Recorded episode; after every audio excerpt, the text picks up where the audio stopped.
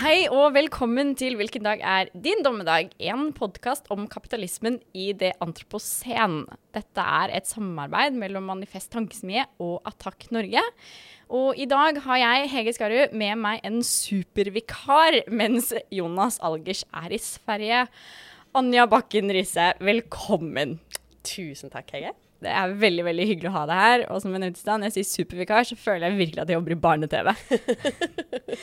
Men vi skal ikke ha det så veldig barnevennlige ting akkurat nå i starten, fordi eh, først, før vi skal snakke om system og individ, så tar vi en liten dommedag. For eh, på mandag så kom FNs klimapanel med sin andre delrapport. Um, og det ser jo ganske dystert ut. Jeg er jo ikke overraska, jeg vet ikke om du er det, Anja? Dessverre. Ja, ikke sant? Det er kjipt. Vi ligger på eh, 1,09 grader global oppvarming. Vi må begrense oss til 1,5 for å ikke nå helt eh, sinnssykt dårlige konsekvenser. Og så er vi på straka veien mot sånn 2,7 grader global oppvarming. Mm.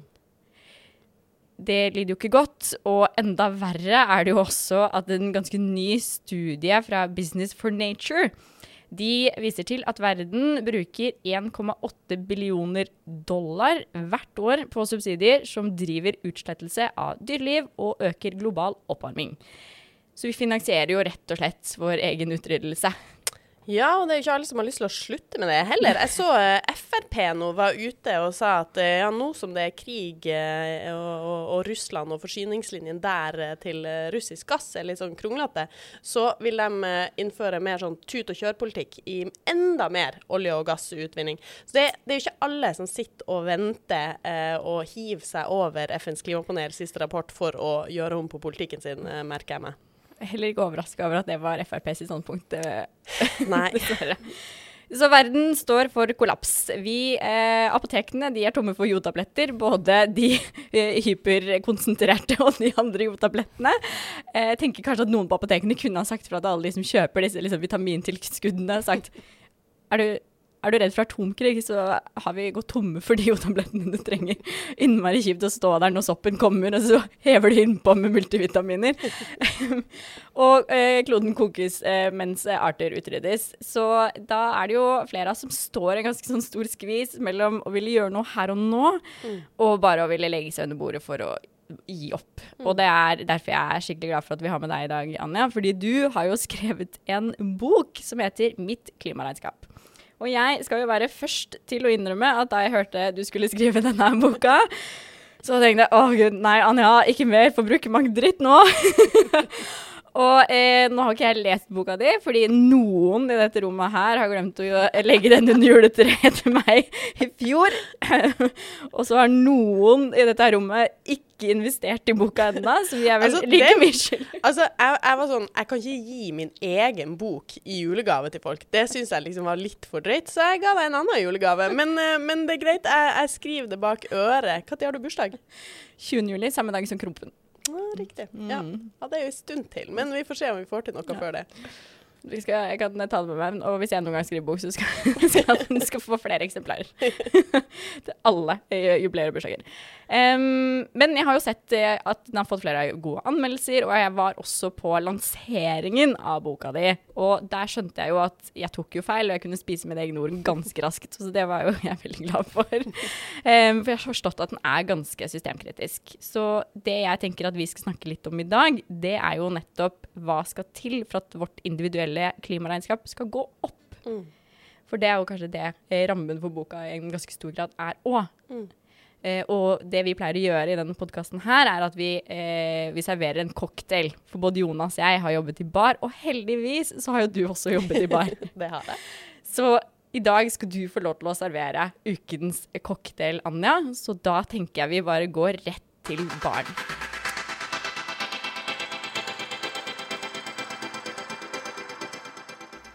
Velkommen. Velkommen. Takk. Anja, Jeg vil bare først se litt på boka di. Um, for vi har jo egentlig tenkt litt sånn på å invitere deg som vår venn Anja, som har skrevet bok. Og vi er veldig stolte av venner som skriver bøker. Uh, mer enn bare ledere i framtiden i våre hender. Um, derfor ikke introdusert deg med det heller, så nå har jeg sluppet katta ut av sekken, og så vet alle at du er det nå. Um, men da du skrev boka di og uh, forsøkte å holde liksom, utslippene dine nede og miljøkonsekvensene på et minimum, hva kom du egentlig fram til? Bortsett fra at det å skrive bok er fryktelig mye mer slitsomt enn det man noen gang skulle tenke seg. Ja, det, det, det innså jeg etter hvert, gitt. Um, nei, altså, det, det, her er en litt um, Det her er en cocktail med mange ingredienser, for å si det sånn. Uh, altså, Litt av grunnen til at jeg ville skrive denne boka, var jo både fordi at jeg, jeg sjøl ha, har en del spørsmål rundt det, men også fordi at jeg får så utrolig mange spørsmål, og vi, Framtiden våre hender, får så mange spørsmål fra folk som lurer på hva skal til for å leve et bærekraftig liv. Når eh, er det jeg gjør nok, på en måte, og har det egentlig noe å si? Og det er jo egentlig litt det vi er inne på her også, med hele spørsmålet individ versus system. Har det noe å si hva den enkelte av oss eh, gjør? Så det var, det var, utgangspunktet mitt, det jeg ville finne ut av. Eh, og så gikk jeg Eh, man kan jo måle altså hvordan, hvordan vet man når man lever bærekraft? Man kan jo måle bærekraft på mange måter, men jeg mener jo at én eh, god indikator, som ikke er tilstrekkelig, men som er en viktig indikator, er hvor store klimautslipp har du. Eh, og da så jeg på klimaforskninga hva den sa om hvilket nivå eh, vi, hver og en av oss, kan ligge på eh, for at vi skal nå Parisavtalens mål om å begrense oppvarming til godt under 1,5 grad. Uh, og den sier, altså forskninga sier, at hver og en av oss ikke kan slippe ut mer enn 2,5 tonn CO2 per person per år innen 2030 hvis vi skal nå Parisavtalen. Og det er jo et sånt tall som ja, det er veldig få av oss som har et forhold til. Jeg hadde ikke et forhold til det tallet.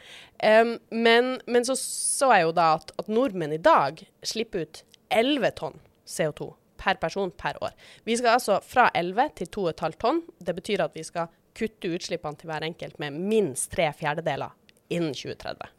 Det klarer jeg å forstå. Jeg klarer fortsatt ikke å forstå liksom, tonn. Nei, og det skjønner jeg. Og det, eh, det det, for min egen del så var det veldig fint å begynne å lage da, altså Jeg lagde et klimaregnskap. Jeg prøvde å finne ut klimautslippene fra måten jeg reiste på, alt jeg spiste, alt jeg handla, altså strømforbruket mitt osv. Og, så og målte det i et halvt års tid, uh, og, og ganga det opp til et år for å få ja, uh, en, et godt bilde på det. Um, og da, da fikk jeg et veldig sånn konkret forståelse av CO2-utslipp og klimautslipp, eh, og når du da kobler det opp til eh, en sånn ramme på 2,5 tonn, så ble det veldig altså da, ble, da gikk klimaproblemet fra å være noe veldig sånn abstrakt og fjernt til å bli noe veldig konkret og noe jeg kunne forholde meg til.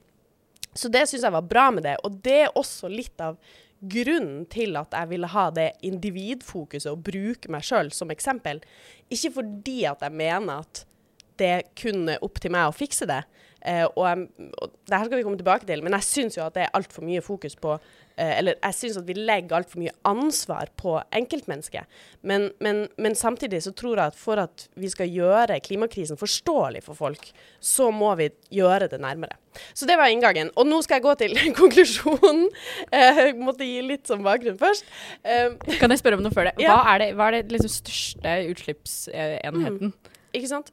Eh, altså for nordmenn flest eh, så er transporten eh, det, det, vi, det, som skaper mest utslipp eh, for oss. Og da for de fleste så er det hverdagstransporten, altså alle bilreisene eh, særlig. Um, fordi Og det, sånn, det var liksom interessant å, å, dykke ned i, fordi eh, den enkelte bilturen har jo ikke så store klimautslipp. Men fordi at vi gjør det eh, nesten 365 dager i året fordi at vi skal til og fra jobb, til og fra trening, fritidsaktivitet, eh, butikken osv. Så, videre. så summen av alle disse reisene blir veldig stor. Så for folk flest så er det kanskje den største utslippsposten. Eh, og for en god del, særlig dem med mest penger, så er flyreiser en veldig stor utslippspost. Og ellers er det mat og bolig. Altså transport, mat og bolig er liksom de, det vi slipper ut mest fra. Men, men, eh, men, hvis jeg skal si noe om, om, hvor jeg på en måte endte opp, eh, og, og, og, hva jeg kom fram til, så var det jo at jeg så at jeg kan gjøre enormt mye. Um, og, og f.eks. på transportområdet så klarte jeg å kutte utslippene mine med minst tre fjerdedeler. Så jeg hadde en transportmønster kan du si da, som var i tråd med Parisavtalen. Og jeg ble egentlig ganske optimistisk på det, fordi jeg fikk meg en tur til København, jeg fikk dratt på noen hytteturer. Jeg syns jeg liksom levde sånn relativt godt. Sånn eh, relativt også med relative briller inn i en pandemi og litt sånn her. Men, um, men, det, um, men det jeg landa på, var jo ikke sant, Vi snakka om i stad, nordmenn i dag ligger på 11 tonn CO2. Jeg landa på 6 tonn CO2. Skulle egentlig ned på 2,5, så ganske langt unna det jeg ønska. Men rundt sånn 40% kutt, som jo på mange måter er, er bra. Um, men det jeg så, var jo at det offentlige sine utslipp eh, Altså de klimautslippene som kommer ved at det offentlige bygger gigantiske motorveier, river velfungerende bygninger, eh, f.eks. regjeringskvartalet, eh, og bygger nytt. Eh, eller Ikke sant. Altså alle disse store og små beslutningene som det offentlige tar, kjøper jo varer og tjenester for eh, 500 millioner i, i året eh, osv. Um, eh, alle de beslutningene medfører et klimautslipp som når det skal fordeles på alle landets innbyggere, det er et klimautslipp på 3,3 tonn CO2 per år. Altså, og vi skulle, på, vi skulle slippe ut 2,5 tonn totalt i løpet av et år. Så bare gjennom det offentlige sine investeringer så sprenger vi mitt og ditt individuelle klimabudsjett. Og det sier jo noe om at ja, jeg og du kan gjøre ganske mye, men vi er ikke i nærheten av å komme i mål med mindre det offentlige Norge får en helt ny både en vurdering og prioritering av klimagassutslipp og naturødeleggelse i stort og smått av de beslutningene som de tar. Da du var ferdig med å skrive boka, var du litt sånn Jeg gidder ikke mer. Uh, ja, uh, faktisk litt. Nei, men, men, men, det er jo noe av det Altså, um, jeg møter veldig mange miljøengasjerte folk. Uh, altså, Framtiden vår hender har gått over 40 000 medlemmer.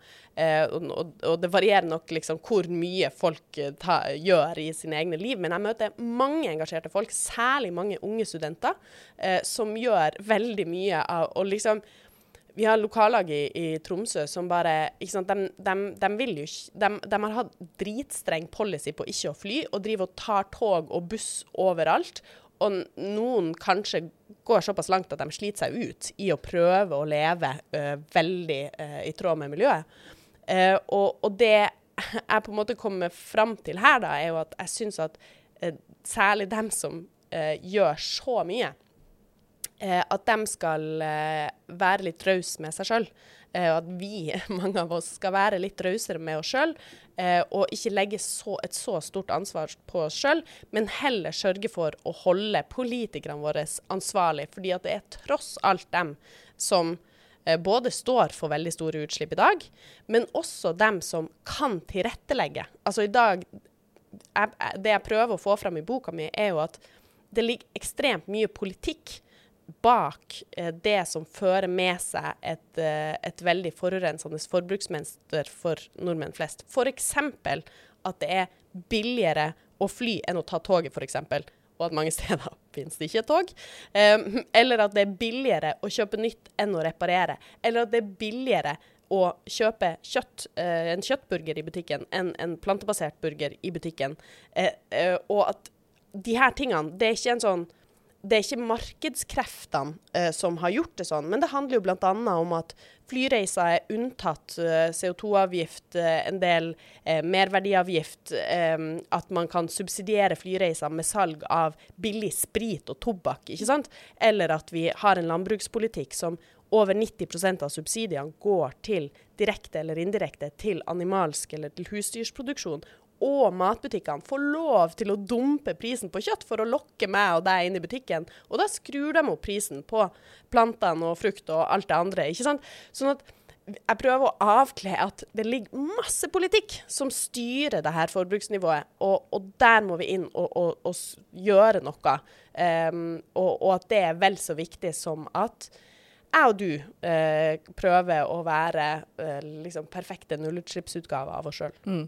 For det er jo det er akkurat det at veldig mange resignerer jo til, og det har jo jeg også med fordel gjort en del ganger, at man tenker sånn Det er eh, systemet sin feil, og eh, mine livsvalg de spiller ingen rolle eh, fordi de har så liten effekt, så jeg kan bare fortsette som vanlig, og så må bare noen fikse systemet en eller annen gang der borte. Mm. Og det kan jo på en måte føles på mange måter, fordi det er så stort. da. Både at offentlige investeringer går feil, politikken går i feil retning, den eh, tilrettelegges for eh, liksom, eh, snevre interesser et eller annet sted, eller eh, næringslivet driver og grønnvasker seg liksom, i hytt og pine opp og ned. Um, så da er det enklere å bare liksom smelle på litt Rage Against the Machine og hate på systemet og kjempe mot det. Men, men, det kan jo også skape ganske mye avmakt og liksom resignasjon i den der tanken om at det er der oppe et eller annet sted langt unna. Um, så det er ingenting som spiller noen rolle. Så tror du mm. liksom, det fokuset på systemet problemet er egentlig et sånn, litt sånn kjepp i eget hjul for ganske mange i miljøbevegelsen? Altså Jeg tenker to ting om det. Det ene er eh, Eller du sier i miljøbevegelsen. Altså, jeg, jeg tenker at det, det, Vi har et kjempe um, um, Vi har et kjempesegment Altså, det er utrolig mange nordmenn som er opptatt eh, av klima, som er bekymra både for klimakrisa og ødeleggelsen av natur, og som ønsker en sterkere klimapolitikk, men som kanskje ikke er dem som liksom hiver seg med i demonstrasjonstog eller er de mest aktive i miljøbevegelsen eller solidaritetsbevegelsen. Og de trenger også handlingsalternativer. Eh, og de kan også være med på å påvirke politikken eh, hvis de får veiledning i hva de kan gjøre, at vi bruker det eh, strategisk. sånn at, så jeg tenker at vi på den ene sida må vi gi folk handlingsalternativer. Uh, og Derfor er det også viktig med liksom, hva kan du gjøre. Eh, og på den andre sida så er det altså Jeg syns det er et sånn falskt skille mellom individ versus system. Fordi at vi som individer, i hvert fall når vi går sammen, så kan vi være med å påvirke systemet. Og det har vi sett veldig mange eksempler på i, i eh, den altså, type koordinerte Eh, kall det forbrukskampanjer, eller hva du vil, vil, kalle det. Men altså, de siste årene så har vi f.eks. sett at masse folk har engasjert seg. Etter hele den der flyskamdebatten så har masse folk engasjert seg i at de ønsker et bedre togtilbud. Eh, på Facebook så finner du grupper som eh, Togferiegruppa, ikke sant, som har blitt Nå er det rundt, jeg tror det er rundt 40 000 medlemmer der noe sånt. Takk Gud for den gruppa. Altså, den er helt nydelig. Jeg har lært så mye eh, om hvordan jeg skal bestille meg reise hit og dit, og hvilke gode alternativer jeg har når jeg vil ut på togferie. Ja, fordi det er søren meg lett. Vi skal eh, Jeg er jo en av de som hater på systemet, men jeg prøver jo. ja. Jeg gjør så godt jeg kan. Kanskje jeg kunne gjort bedre. Men, eh, og vi skal jo fra Roma til Norge. Ikke sant. Eh, og det med tog er jo så vanskelig, og det er så innmari dyrt. Og da er det jo den togferiegruppa helt gull, men, men, det er litt det du er inne på. Det er, det er kjempevanskelig, og jeg tror veldig veldig mange i eh, sånn, den etablerte miljøbevegelsen, man skal, de som er liksom virkelig i uka i miljøbevegelsen, brenner seg ut. Mm. Og, og, det er jo ikke akkurat liksom, en ikke-deprimerende periode av, av verden å leve i nå heller. Nei, men, men, men der kan vi Altså ved å vise at det finnes et fellesskap f.eks. på tog, og gi folk handlingsalternativer, og, og, og også eh, ja, introdusere mennesker for hverandre, sånn at man ser at man ikke er alene. Det, det er nesten noe av det viktigste jeg kommer fram til i, i, boka mi, er på en måte ikke bli sittende alene, finn deg et fellesskap. Men det jeg skulle si var at vi, vi har mange eksempler på, f.eks. innenfor tog, eh, at folk har engasjert seg i en sånn blanding av forbruks... eller atferdsendringer. Folk prøver å gjøre ting litt annerledes. Blanding av det med et politisk engasjement. Så den gruppa, togferiegruppa, den har jo vært med å, å sette premissene, egentlig, for utviklinga av togtilbudet i Norge. Og de siste årene så har vi da også fått um, langt ifra en tilstrekkelig politisk satsning, men likevel en, en, en, større satsing enn det vi har hatt på lang, lang tid. Både med utvikling av sovetilbudet, det jobbes med bedre internettdekning, det jobbes med bedre bestillingsløsninger. Eh, og så trenger vi veldig mye mer, ikke minst å koble oss på eh, togtilbudet i, i, Sverige og Danmark for at det skal være mulig å reise på ferie fra Norge med tog. Men, eh, men der f.eks., eh, der har vi sett det der koblinga mellom eh, atferdsendring, eh, altså enkeltindividets valg og politisk endring. Det samme har vi sett f.eks. På, på redusert kjøttforbruk. Eh, altså 40% av nordmenn kaller seg for fleksitarianere. Det betyr ikke at man skal være veganer eller at man aldri skal spise kjøtt, men eh, veldig mange tar et aktivt valg om å spise litt mindre kjøtt. Og det har gjort at vi har fått eh, Altså, det har vært en eksplosjon i tilbudet av vegetarmat i, i næringslivet, som næringslivet tilpasser seg. Og i eh, jordbruksoppgjøret så har vi også sett de siste årene en vridning av, eh, av å øke satsinga og subsidiene som går til produksjon av frukt og grønt, eh, versus husdyrhold. Eh, og det samme har vi sett i palmeoljesaken, som er sånn eh, I løpet av ett år fordi at så utrolig mange nordmenn engasjerte seg og gikk til sine lokale kjøpmenn og sa vi vil ikke ha palmeolje i Smash eller i Kvikk Lunsj eller yndlingskjeksen og dessertene. Eh, så, så, i løpet av ett år så fikk man redusert eh, palmeoljeinnholdet i dagligvare eh, med to tredjedeler. Eh, og man fikk et politisk fokus på å ivareta regnskogen eh, og, og, og, passe på å få bedre sertifiseringsordninger for palmeolje. Jeg sier ikke at det her er det er verken den enkleste strategien for å få til endring, eh, og det er heller ikke eh, den eneste strategien vi skal ha, eh, og, det fikser ikke alt, men det er en del av en endringsstrategi. Så, så jeg er litt sånn La oss, la oss for guds skyld bli kvitt den herre falske skillet mellom individ versus system. Tenk noe.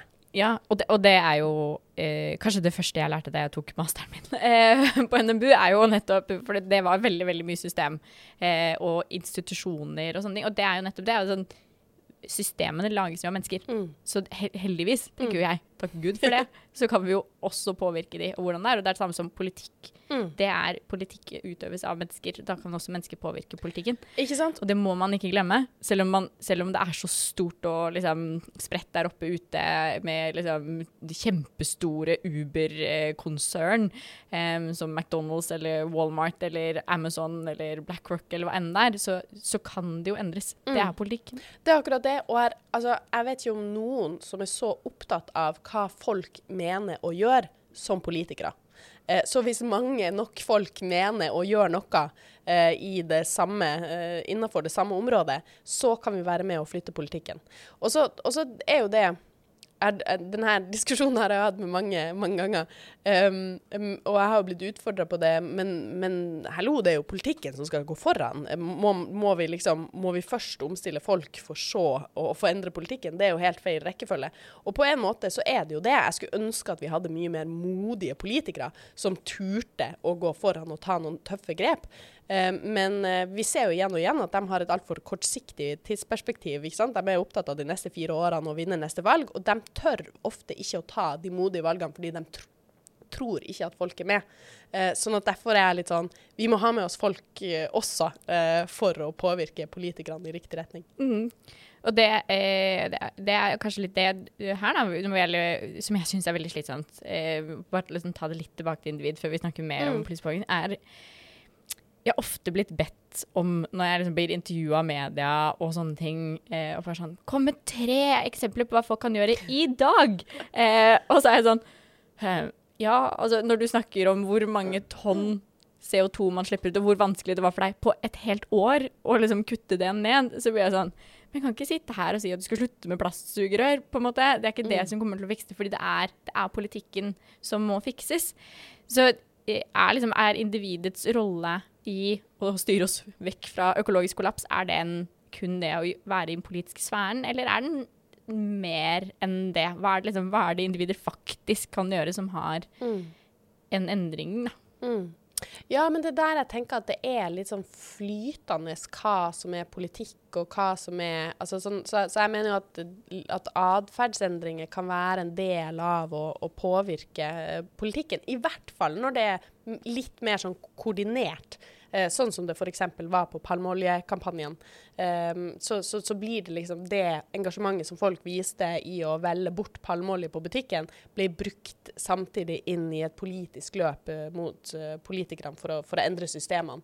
Så man, jeg tenker at der har vi liksom noe, noe, gull, og det er noe som vi i framtiden våre hender og bruker mye, men som vi, jeg tror som miljøbevegelse og solidaritetsbevegelse kan bli enda bedre på å tenke ut sånne typer strategiske kampanjer. Fordi eh, at, altså, folk har lyst til å være med.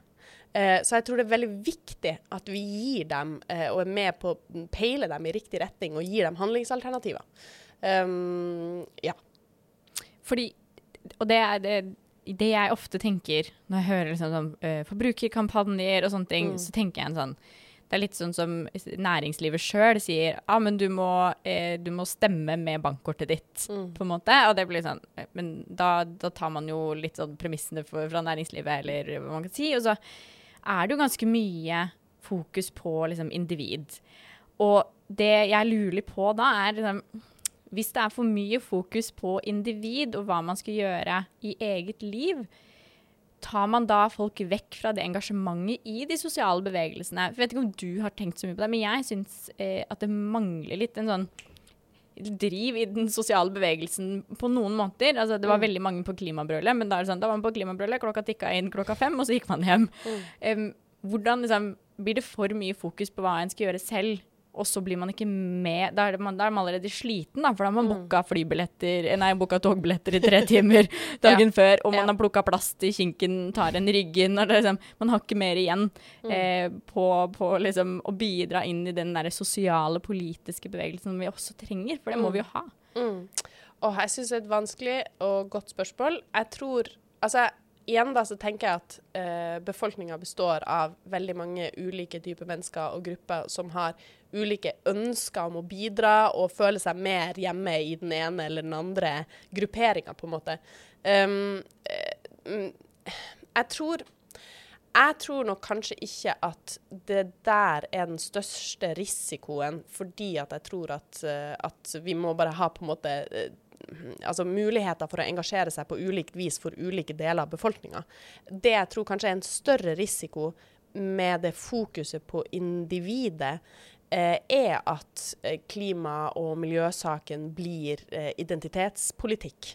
Eh, og, og, jeg vil være veldig forsiktig med å på en måte Ei eh, utvikling der det er sånn at eh, det er bare dem som er Eh, veganere eh, som sykler eh, og som aldri flyr. Det er bare dem som på en måte er ekte klima- og miljøengasjerte.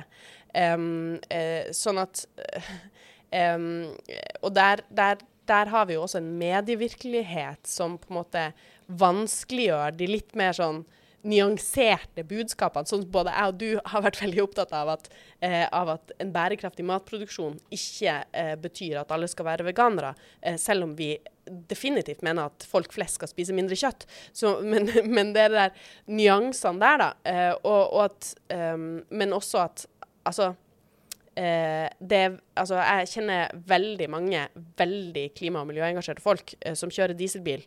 Eh, og og det er ikke et problem, og det er ikke et paradoks. Vi er en del av det samfunnet som vi er en del av. Eh, og hvem vet om personen med dieselbil eh, f.eks. aldri flyr, eh, mens eh, andre som kjører Tesla, flyr veldig mye. Eh, ofte er det Ofte ligger det noe der. Så, så vi, vi, må bare Vi skal slutte Eller jeg, jeg blir ofte veldig frustrert av å se folk peke fingre på andre sine livsstilsvalg. Eh, det eh, syns jeg bare vi kan slutte med. Eh, vi vet ikke helheten i folk sine eh, valg i, i, hverdagen og i livet, og hva, dem, hva som er beveggrunnene for dem. Så det skal vi bare slutte med. Men det betyr ikke at eller, Men vi skal fortsatt kunne snakke om at jeg og du har noen muligheter til å leve mer miljøvennlig, og det her er måten man gjør det på. Mm. Og Det jeg ofte også tenker på eh, i å gjøre de miljøvennlige valgene i dag altså det er vanskelig, fordi man har ikke, man har ikke tid mm. til å tilegne seg all kunnskap. Man har ikke mulighet ofte til å tilegne seg all kunnskapen som man trenger, for det første. Men òg eh, den andre delen er OK, så vet man at det er ikke i meg alene i et vakuum som kommer til å bare Hvis jeg slutt ikke tar den flyturen til mm. London, mm. eh, så ordner vi klimakrisa. Det vet man jo at det ikke er realiteten. Men at jeg tenker litt sånn OK, en dag så kommer vi forhåpentligvis, for guds skyld, inshallah, til å komme et sted hvor politikerne tar de grepene som mm. trengs å gjøres. Og det betyr at vi må omvelte livene våre såpass mye. Det er greit å begynne liksom, er det noe vi kan Mm. kanskje ha lært av korona, og det at vi nå står eh, nesten på liksom i møte med tredje verdenskrig, beredskap, kjempelurt. Liksom, egen beredskap er den derre bare forberede seg litt på at OK, men da, da kommer ikke disse her tingene til å være tilgjengelige lenger. For Mm. det er jo som sier, noen ting må vi bare sånn Vi skal slutte å peke finger, men men det er mange andre ting som vi også må slutte med. Mm. Så bare forberede seg litt på det. Lær deg å stoppe sokker nå, da. Fordi det kommer en dag. Ikke sant? Og, og, og så skal vi huske på det at eh, vi mennesker er flokkdyr. Eh, vi gjør det dem rundt oss gjør. Selv om vi liker å tro at vi er veldig unike og har en helt fantastisk egenart, så, så, så vi aper etter hverandre i stort og smått. Eh, så, eh, så det jeg i hvert fall tenker er at selv om det kan framstå som litt sånn kleint noen ganger, så å vise at du velger å ta toget, eller liksom Her har jeg reparert et eller annet istedenfor å kjøpe nytt. Altså sånn, det, det framstår kanskje som smått, men uh, men det er faktisk en av de mest effektive strategiene for å påvirke dem uh, Altså for å påvirke andre, er egentlig bare eh, at de ser at mange gjør det. Sånn som plutselig skulle alle drive og ha togferie. Som, altså, jeg har så mange venner som, som har flydd veldig mye veldig lenge, og så plutselig bare Nei, nå skulle de ta toget. Og det handler jo om at det var eh, liksom Plutselig var det en trend, og da vil mange hive seg med. Og så må vi bare sørge for at det går fra å være en trend til å bli ny atferd. Eh, men der trenger vi også politikken på plass. En del av systemet. Nettopp. Ikke sant, det er jo det. Normer og regler eh, lager systemer. Det er jo akkurat det vi holder på med. Noen ganger så føler man seg jo litt gladkristen eh, også, da. Av å være sånn Ja. Se på meg! jeg lager eh, um, hva er det heter? Kraft på alle disse grønnsakene som jeg har hatt i fryseren i et halvt år. Den lille gulrotskalken her og ja. Mm. Ja, men det er altså Altså, jeg blir stadig vekk eh, litt forbausa, men mest eh, glad eh, over å se folk blir sånn Å ja, OK, man kan bruke brune bananer til å lage uh, bananpannekake eller banankake. Yes, topp! Liksom god stemning. Uh, så uh, folk eh, Igjen, da. Vi skal ikke undervurdere behovet folk har for å ta bedre valg, og, og bare kunnskap og litt sånn inspirasjon. Mm. Jeg hadde en eks en gang som holdt på å le seg i hjel av meg da jeg satt med hele sokkeskuffen min i senga og bare stoppa sokker en hel kveld med briller på. Og hun bare Dette var ikke det jeg trodde jeg ble sammen med. jeg var kjempeglad. Kosa meg masse. Um, det, det, vi var så vidt innom uh, på det. Um, det jeg lurer på, er dette her. Jeg har tenkt litt på det. Jeg tenker på mange ting. Um, men det handler om norsk miljøbevegelse, og da mener jeg liksom miljøbevegelsen i organisasjonsbevegelsen. Og så miljøbevegelsen for meg er også den derre Det er de som vil gjøre noe, som gjør noe. Tar noen grep, men da er det liksom institusjonene, da, eh, som vi har. Vi, ja takk, vi, eh, det kan jo folk eh, tro den som vil. Vi blir ofte liksom eh, mobba litt av de andre attakklagene i Europa for å være konser ganske konservative og liksom snille. Um, mens her i Norge så, eh, så er det så litt mer for det motsatte. At vi er sånn eh, ganske harde og litt sånn, eh, for noen tenker litt sånn næringslivsfiendtlige osv. Men det, det jeg lurer på, er det sånn OK, hvis vi er snille i Europa, og så er kjipe her, er, er norsk miljøbevegelse, er vi for snille? Mm. Eh, og da mener jeg det i den form for at tar vi liksom og kjøper premissene til, til stort næringsliv eh, for mye og liksom kapitalforvaltere, at vi skal samarbeide med næringslivet i en større grad enn å eh, ta de liksom i tøylene. Vet her er nok ikke du og jeg helt liksom Eh, jo, vi er enige på mange måter, men vi, organisasjonene våre jobber veldig forskjellig akkurat på de der tingene. Så litt av dine refleksjoner rundt det hadde jeg satt veldig pris på. Mm. Ja, nei, jeg syns det er et kjempeinteressant spørsmål. Um, jeg tenker at vi må uh, Altså, det, det er nok en kulturforskjell fra Norge uh, og en del andre uh, land, men også institusjonsforskjeller. Altså, det er veldig få land som har den Altså denne her enorme nærheten som vi har til eh, storting og regjeringsapparat. Altså det, det Altså, jeg, jeg liksom SMS-er med ministre, og, og vi har veldig lett tilgang. Snikskryt. ja. ja, det er sånn det må være. Nei, men altså, det, det jeg, jeg tror ikke at det er så mange land som har eh, så tett kontakt eh, med myndighetene som, som, vi har her, eh, og som har så lett tilgang eh, til, eh, til, politiske myndigheter eh, og til næringslivsaktører. Og så, er det noe også med det er i hvert fall det, det jeg og det Framtiden våre hender har tenkt. Altså hva er opinion, hva er folk på en måte med på og mottagelig for? Eh, og der er kanskje den norske opinionen litt sånn mildere eh, i altså, altså, det er liksom Nordmenn er et konfliktsky folk. Altså, vi står i kø, og vi sitter alene på trikken. ja, altså, så, så, så det er veldig mange som fort reagere på om uh, vi roper for høyt, eller uh, altså at liksom Blir det for mange ullgensere, så oppleves det som superradikalt. Og det er jo litt sånn så kan man jo velge å være litt sånn OK, nå må vi bare Ja, men fuck det. Vi må bare kjøre på og være tøff i trynet fordi det trengs, på en måte. Men, men, men det jeg i hvert fall har tenkt, og det framtiden våre hender har lagt seg litt på de siste årene, er på en måte OK, hvordan når vi ut til folk? Det er kanskje på en litt mildere eh, linje. Um, og så, så, prøver vi jo likevel å opprettholde en, en høyst radikal politikk, uh, men at formen kanskje er litt annerledes enn det man er vant med i andre land. Og det opplever jeg jo. altså jeg har jo sittet på andre sida av bordet. Eh, altså jeg var byrådssekretær for Miljøpartiet De Grønne i, Oslo. Eh, og da sittet med makt og vært i møter med ulike aktører. Og eh, det er jo no, altså, det er lett lettere eh, å være imøtekommende med noen som er eh, Eh, ja, utvise normal høflighet eh, enn noen som sitter og roper deg opp i ansiktet. Um, jeg har opplevd begge deler. og, det, og, det, vet jeg jo at, at fra politiske beslutningstagere i den, denne og tidligere regjeringsapparat og på Stortinget osv. Altså, en litt mildere form eh, gjør det enklere å ha en litt sånn konstruktiv dialog. Eh, og så får jeg også ofte eh, lyst til å rive meg i håret. Noen ganger gjør jeg det. Eh, noen ganger roper jeg, og noen ganger er jeg veldig sint. Og jeg vet jo at politiske beslutningstagere og næringslivsaktører kan synes at vi er helt urimelige og veldig surmaga og bare skaper kluss og krøll. Um, men samtidig så tror jeg nok at vi oppfattes som ganske mild av andre eh, aktivister, ikke minst internasjonalt. da. Mm. Men det er det jeg tenker eh, Jeg tror heller ikke jeg roper så veldig mye. Jeg håper ikke det. Hvis, hvis jeg ropte en politiker i ansiktet en gang. Kanskje Michael Tetzschner? men, eh, men, det jeg tenker er, da er det jo også når vi kommer sammen og samarbeider da, om politiske ting, eh, så får vi jo med oss eh, For vi snakker mer til de som bare Ah, 'Slipp meg av!'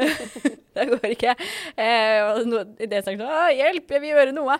Eh, og så når vi da får alle de sammen, eh, da har vi en skikkelig god spydspiss og mm. slagside som jeg setter veldig pris på. Det syns jeg norsk miljøbevegelse i hvert fall er veldig gode på. At eh, man, eh, selv om man kan erte hverandre for den ene eller andre tingen, så eh, respekterer man hverandre igjen, altså det er veldig norskt. Man respekterer hverandre, og man samarbeider der det liksom gjelder. Man forstår at det kan være veldig viktig, og det har jo jeg snakket om mange ganger før også, hvor viktig vi syns det er at miljøbevegelsen står samla, da. Mm.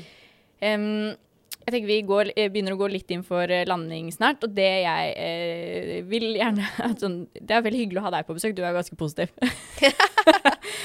Konstruktiv. Uh, du har fortsatt ikke satt, sagt K-ordet, men vi har fortsatt noen minutter igjen, så kan det kanskje komme etter hvert. det er da altså kapitalisme, som jeg håper på at Anja på et eller annet tidspunkt skal si. Men over til et annet K-ord, og det er koronapandemien.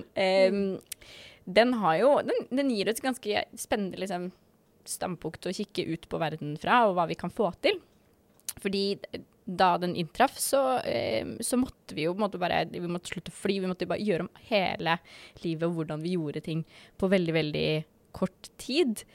Eh, og i begynnelsen så, så man bilder av i kanalen i Venezia hvor noen Jeg vet ikke om det var sant, men noen hadde ja, photoshoppa inn noen delfiner. og det var, liksom, det, var liksom, det var, ikke måte på hvor mye nature was healing. Mm. Det var jo like før det liksom ble Streets of Babylon overalt, liksom. Um, men eh, vi så jo en faktisk nedgang i luftfart, og så var ikke den så veldig stor. Den var på sånn 2003-nivå eller et eller annet, og nå har den gått opp igjen. Det, det jeg tenker er sånn, Hva tror du vi kan lære av, av pandemien? Uh, og, og vår livsstil, da, og hva vi faktisk kan få til av Mm. uh, omveltninger. Kanskje vi må omvelte raskere enn noen gang, på, nå også pga. Ukraina-krisen. Mm. Altså, eh, to ting som jeg tenker er det viktigste eh, vi tar med oss fra, fra koronapandemien, er for det første at eh, mennesker er ekstremt tilpasningsdyktige.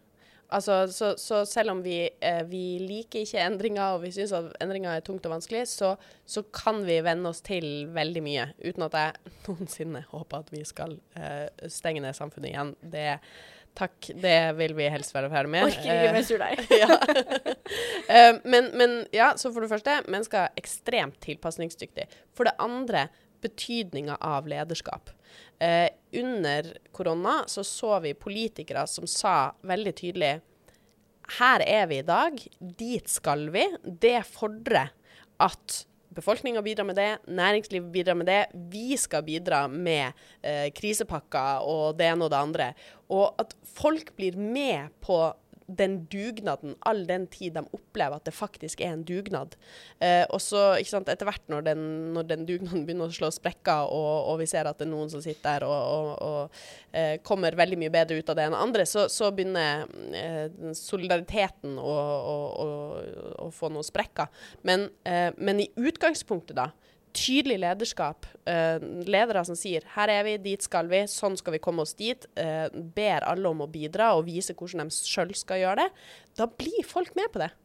Så, så der tenker jeg at det er masse uh, å lære og, og overførbart til hvordan vi håndterer uh, klimakrisen og ødeleggelsen av natur. Uh, og at det egentlig bare er sånn Ja, da er det bare opp til den nye regjeringa å brette opp armene og, og være de tydelige og gode lederne som vi trenger. Mm. Og vi venter ennå. vi, vi, altså, vi venter. Eller egentlig står vi og banker på døra. Ja. Eh, men, eh, men ja, det gjør vi. Roper litt. Akkurat der sånn. Eh, litt utålmodige. Men fordi da vi gikk inn i koronapandemien, så hadde vi, la vi jo bak oss 2019, som var et sånn sinnssykt inspirerende klima- og miljøår. Verdens beste år. Ja, det var jo så gøy og så slitsomt på en og samme tid med disse klimastreikene og regn og tunge løft og eh, hele pakka, men, men, men det ga mye å stå midt i 2019. Det er liksom klimaåret 2019. Tror du vi Nå som vi endelig legger fra oss veldig mange digitale møter og begynner å liksom stable oss litt på beina, både fysisk og psykisk etter hvert. At vi klarer vi liksom å få fart på miljøbevegelsen igjen. Altså, jeg så noen si sånn Folkens, skal vi ikke bare sette strek over begynnelsen av 20-årene, og så bare starte på nytt? og det kjenner jeg meg veldig igjen i, liksom her vi sitter midt i ja, Ukraina og uh, ny klimapanelrapport. Og, Vi hadde liksom altså, ei uke. Det var ei uke. Det var ei god uke. Den, den skal vi tydeligvis leve lenge på. Nei, men um, uh, Ja, jeg tror absolutt at vi kan få uh, en, en sterk miljøbevegelse opp på beina igjen. Og jeg tror at Eh, jeg tror at det er mange som kjenner på både et sånn behov for eh, håp, eh, som har lyst på å få utløp for engasjementet sitt, eh, men at det ligger et veldig ansvar på oss som driver de sosiale bevegelsene framover. fordi at nå, nå det er ikke, altså, Vi har ligget nede med brukket rygg under pandemien. Det har vært ekstremt vanskelig å engasjere og, og samle folk og liksom eh, stå på barrikadene. Eh, så det er egentlig bare opp til oss sjøl. Bare brette på opp armene, komme i gang. Komme seg ut. Ja, ja og det jeg, jeg tror jeg Jeg vet ikke om det er sånn det her blir eldre, men jeg har aldri hatt så mange i min umiddelbare nærhet som har vært sjukmeldt pga. at man er utrolig sliten. Og det står jo litt igjen. Så jeg, vi skal ikke være utålmodige heller. Vi gir det litt tid, men vi stabler det opp på beina. Og nå eh, mer og mer Jeg kjenner i hvert fall på at jeg er mye mer klar for å lede en organisasjon. Sant? Vi trenger litt sol, vi trenger litt vår, eh, og så liksom samle kreftene. Og så tenker jeg vi sier sånn august 2022. ja, Da er vi dritbra. Det blir Det skikkelig bra. Kjempebra. Eh, da har vi, liksom, da har vi slikka masse sol i løpet av sommeren og lest noen bøker og bygd opp kunnskapsbanken og er klare for å ta kampen. Anja, har du noen siste ord du vil komme med? Åh, nei, vet du, jeg syns det har vært veldig hyggelig å være her, og så kjente jeg at jeg ble litt gira på det siste der. Eh, altså, nå skal vi bare Sol? Eller- sol, sol og litt mer aktivisme i monitor. Eh, så nå skal vi bare, ja, eh, komme kan vi bare få bukt på en liten sånn krig her borte Mm. som vi- det, det kan vi bare få slutt på? Du, det, det løser seg, fordi i, i dag så er jeg en kjempestor krangel eh, Eller jeg blir jeg er ikke krangel. Jeg blir eh, plapra ned av en del eh, Det var fryktelig dårlig ordvalg. Jeg får ganske mye hard medfart på Twitter av noen kryptogutter, og det er av at jeg skrev en, eh, en, et essay i Klassekampen, og de har funnet løsninga Ja, riktig. eh, på Ukraina-krisen. Det er Man må bare gi penger via bitcoin og krypto. Ja, ikke sant? Så de ba, hva er det du egentlig har gjort Ikke for sant? Ukraina i det siste? Ja, tydeligvis ikke kjøpt nok bitcoins. Mm. Så det, det går bra. De har den. Så da tenker jeg at du og jeg kan bare ta miljøbevegelsen og lage noe ordentlige greier til i høst isteden. Ikke sant? Da satser vi på at God bitcoin eh, ordner det her denne Ja. våren, og så har vi en plan, en slagplan fra sånn august Ja. eh, 2022. De skal også bare da kloke koden, koke kloden litt eh, før de kommer dit, da. Men det Ikke sant? går bra. Ja. Anja, tusen hjertelig takk for eh, at du har vært eh, supervikar. Og tusen takk til alle for at dere har lytta til eh, Anja og Heges Supernytt. og så høres vi igjen neste uke. Takk for meg. Ha det bra.